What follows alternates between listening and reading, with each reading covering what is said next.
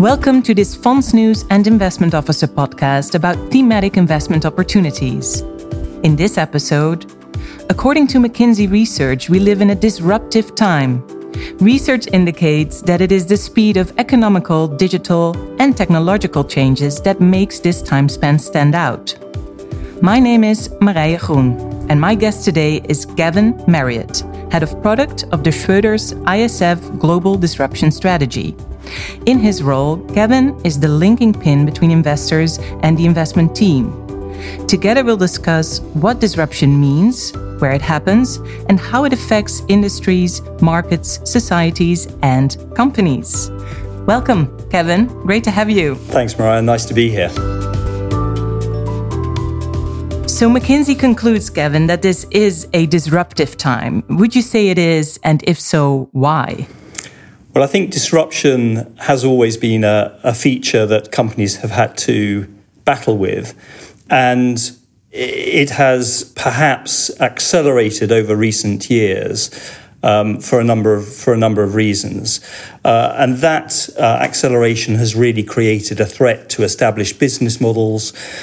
It's changed competitive landscapes, market leadership, and also had an impact on stock market valuations.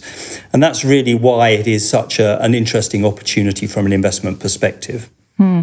What would you say are the most important drivers of disruption? Well, I think there are three things that are really adding momentum to this uh, disruptive pressure that we're seeing. First of all, it's the confluence of the speed of technological advancement in a number of areas. So, in terms of connectivity, processing power, memory. And, and those advancements have really fuel, fueled growth in digital data, um, artificial intelligence, and the IoT. The second thing is that the way we live our lives has changed at a rapid pace, which really mean that traditional business models no longer work. Um, given uh, given the way we, we choose to live our lives. But thirdly, and probably most crucially, industries are being disrupted because they need to adapt in order to address some of the serious challenges that face the world today. They come in the form of climate change, pressure on the environment, and even COVID, which have represented significant challenges to the way we live our lives. And the need for companies to respond to, the, to those pressures have really accelerated this disruptive pressure that we're now seeing. Hmm. So much happening at the same time, right? Um, what yeah. would you say makes a technology or makes a product potentially disruptive? Well, I don't think it's the technology per se that makes uh, introduces uh, disruption. I, I, think technology is an enabler, and it allows um, things like product development, different service models. Also contributes in terms of uh, in terms of price, um, downward pressure on price, and can create new markets. So technology really is an enabler rather than um, rather than the thing that is driving the disruption. Clear, clear. Let's talk a bit more, Kevin, about how markets and societies are then affected by all of this. Um, McKinsey data indicates that artificial intelligence has the potential to affect almost any industry. Um, and the biggest effect actually is on the travel industry. How do you see AI influence the way that we currently travel? Yeah, I'm not sure I would necessarily agree that AI has had the biggest effect on the on the travel industry in comparison to many other industries that you could cite. So I'd, right. I'd, I'd maybe challenge uh, McKinsey's uh, conclusions Research. in that respect.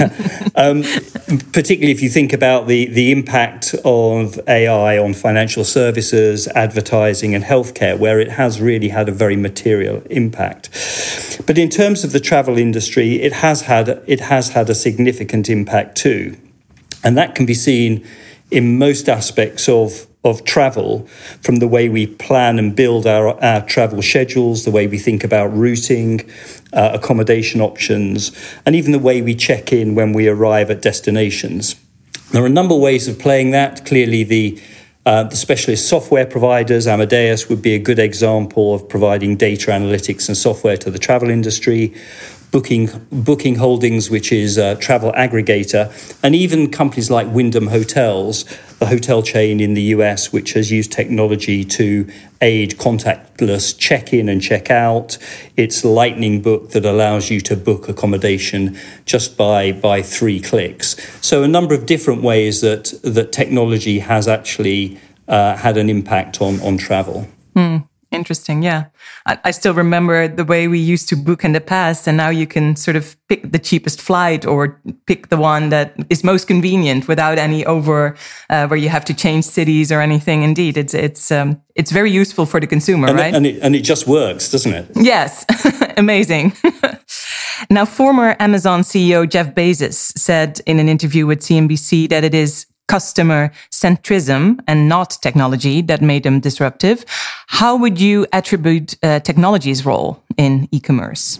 Well, I think first of all we've got to recognise that uh, Amazon is the iconic disruptor. Um, it, it, it has uh, and continues to disrupt retail and, and extends its disruptive um, powers in, into other areas of the economy. And, and that is partly due to a technological advantage. Technology has definitely made it possible. Um, but it's the fact that Amazon as a business has the customer at the heart of, of the services it, it provides. Um, so everything from improved um, supply chain management, uh, fulfillment, um, have contributed to Amazon's success and the success of other e commerce platforms that are um, really only at the start of, of, of, this journey. And if you look globally, um, using Amazon's template, you can see uh, examples of uh, businesses that are using that same operating model and taking significant share of, of the, the retail um, business. Um, so Sea Limited in, in Asia, taking market share in, in places like Indonesia, Vietnam, uh, Taiwan, um, would be a good example of, of a company that is somewhat behind the curve. But again, they, are they are using the same format to uh, to take market share and, and develop their business. I think, though, for Amazon, um, what Amazon uh, has done and, and, continues to do very well is really through um, through their platform. Um, analyze uh, customers' behaviors so that they have probably the best insight and com- uh, the best picture of con- customer habits from the initial search activity, browsing habits, and then purchase decisions.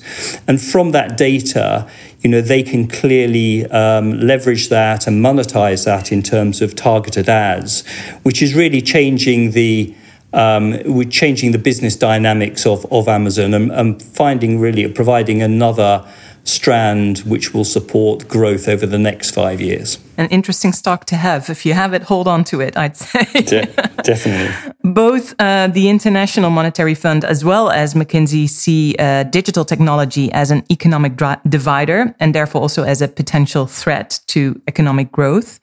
Would you agree with that, Kevin? It's not an easy um, answer, and the, any answer has to be. Um, nuanced. Uh, in aggregate, uh, uh, technological innovation um, has and will continue to make a significant contribution to economic growth and prosperity, primarily through its positive contribution on productivity. Um, but, but clearly, um, the digital divide is a very um, important thing that is um, that, that is potentially um, limiting prosperity in, in certain parts of society, whether that's by um, um, socioeconomic divide, whether it's by geographical divide, or uh, you know it could simply be a function of of age uh, and familiarity with with technology. Um, so the ability to access computers and the internet has become a crucial issue for society. Um, and whilst there are significant strides being made and the digital divide is ma- narrowing, estimates suggest at something in the region of 5% per annum, with expectations that 100% of the world's population will have access to the internet by 2028. There still remain around 3 billion people globally who have no internet ac- access. Now, now governments and corporations really recognise uh, this as a, as a significant issue and are formulating policies to address infrastructure um, and uh, encourage the adoption of internet. And I think all of those things need to be um, commended. And uh, as I say, we are seeing positive steps in that way. Um, but really, to decrease the digital divide gap, we must see continued um, educa- education around the use of, of um, the internet, make it more inclusive, address poor infrastructure, and also more affordable for consumers who are perhaps less fortunate than ourselves. Right. So access to internet is going to be key in changing that divide rather into something that is inclusive for everyone, right? Exactly. Yeah. And affordability. Mm. And, and, we've seen that uh, we've seen that th- throughout the COVID crisis in terms of education. Uh, you know, the, the the fact that there has been a real limiting factor on pupils who've had no internet access haven't been able to continue their, their studies, whereas more affluent people or people with better access have been able to yeah, do that. Yeah. And even in the more developed countries where the large part of the population has access to, to internet, then still the poor families, the children of those families um, were behind the others, right? Exactly. Yeah. Um, so let's talk a bit more about your strategy and about composing um, a winning team. How do you identify big trends and winning companies for the Schroder ISF global disruption strategy? Well, first of all, it's having the mindset, and I think recognizing the um, power of disruption on business models, uh, on uh, competitive positioning, and, and ultimately prop, um, profitability. So it, it's having that mindset and really recognizing the power. And we, we spoke earlier about uh, Amazon, and, and even though Amazon is is an incredibly um, well covered stock by sell side analysts. Uh, there are times where market participants simply don't recognize the power of, of, of some of these competitive advantages which caused, in, for example, in 2015, the share price to double in that calendar year. So, having the mindset. Uh, secondly, we use technology within our business to help us navigate what is quite a complex opportunity set and really identify these opportunities, uh, both in terms of using proprietary quant screens to look for changes in.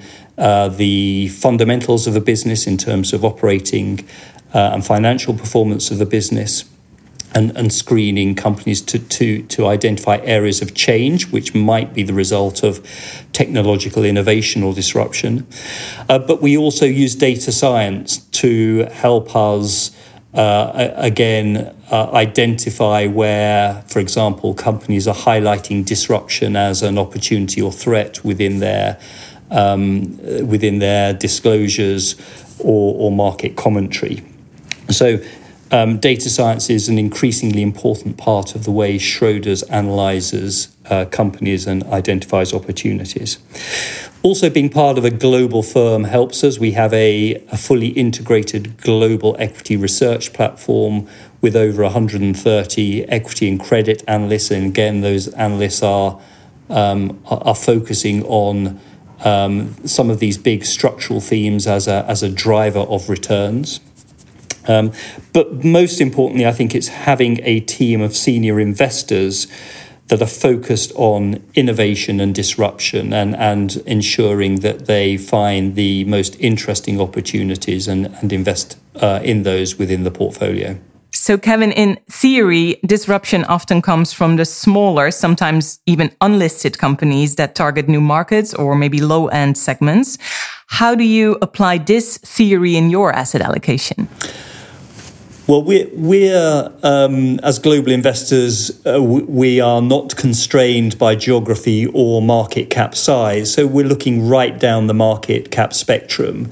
Uh, for this strategy, though, we're conscious that it, it needs to be um, provide daily liquidity, and therefore we do we we do apply uh, liquidity screens in terms of our stock selection. But nevertheless, that does allow us to get exposure to some very interesting um, small, uh, smaller and mid cap uh, stocks within the portfolio. Um, and we would see that as being an important part of the, uh, the, the strategy that we're delivering. Um, interestingly, though, we are we, again recognizing the importance of, of unquoted companies in terms of their uh, innovation and technology. We are in the process of, of um, developing a public private strategy that will um, give both exposure to private markets and also the public markets. Final thing, though, I'd just say in terms of in terms of IPOs, what we have seen of late, and I'm, sh- I'm sure you've seen this, is that many of these IPOs, particularly with interesting technologies, are trading, are coming to the market with um, very significant um, valuation premiums attached to those listings. And therefore, I think with any um, uh, with any interesting opportunity, you have to be very cognizant of valuation and, and ensure that you're, you're really not overpaying to get exposure to some of these very interesting technologies. Right, right. Um, the number one sector allocation in your portfolio remains uh, the, the, tech sector. We spoke about it a lot today. And among your top five positions are the well known big techs um, that are also some of the biggest and the fastest uh, growing companies in the world. What would you say then, Kevin, sets you apart from the competition? Well, I think it, although those names um, may well be very familiar to, to many of the listeners, uh, I think the importance to us is that um, those names retain a very exciting growth uh, outlook and trajectory underpinned by um, uh, competitive advantage and really finding some of these additional levers that can support growth over the next five and 10 years. So, yes, they're big today, but it doesn't mean to say that they can't grow bigger or, or diversify. Hmm. I'd like to thank you, Kevin, for this fun and interesting conversation. Thanks, Marije. I would like to thank my guest, Gavin Marriott, for his time and his insights. This podcast is brought to you by Schroders. It was recorded as part of a series dedicated to thematic investments. More about Schroders investment solutions you'll be able to find at schroders.com. For more articles and podcasts on thematic investing, please visit the special sections dedicated to thematic investing on the websites of Fondsnews and Investment Officer. Check out fondsnews.nl if you are based in the Netherlands, or if you're based in Belgium, please visit investmentofficer.be. Important information. This information is a marketing communication. No responsibility can be accepted for errors of fact or opinion. Past performance is not a guide to future performance and may not be repeated. The value of investments and the income from them may go down, as well as up, and investors may not get back the amounts originally invested. Exchange rate changes may cause the value of investments to fall as well as rise. Issued by Schroder Investment Management Europe SA, 5, Rue Hohenhof, L 1736 Senningerberg, Luxembourg. Registration number B37.799.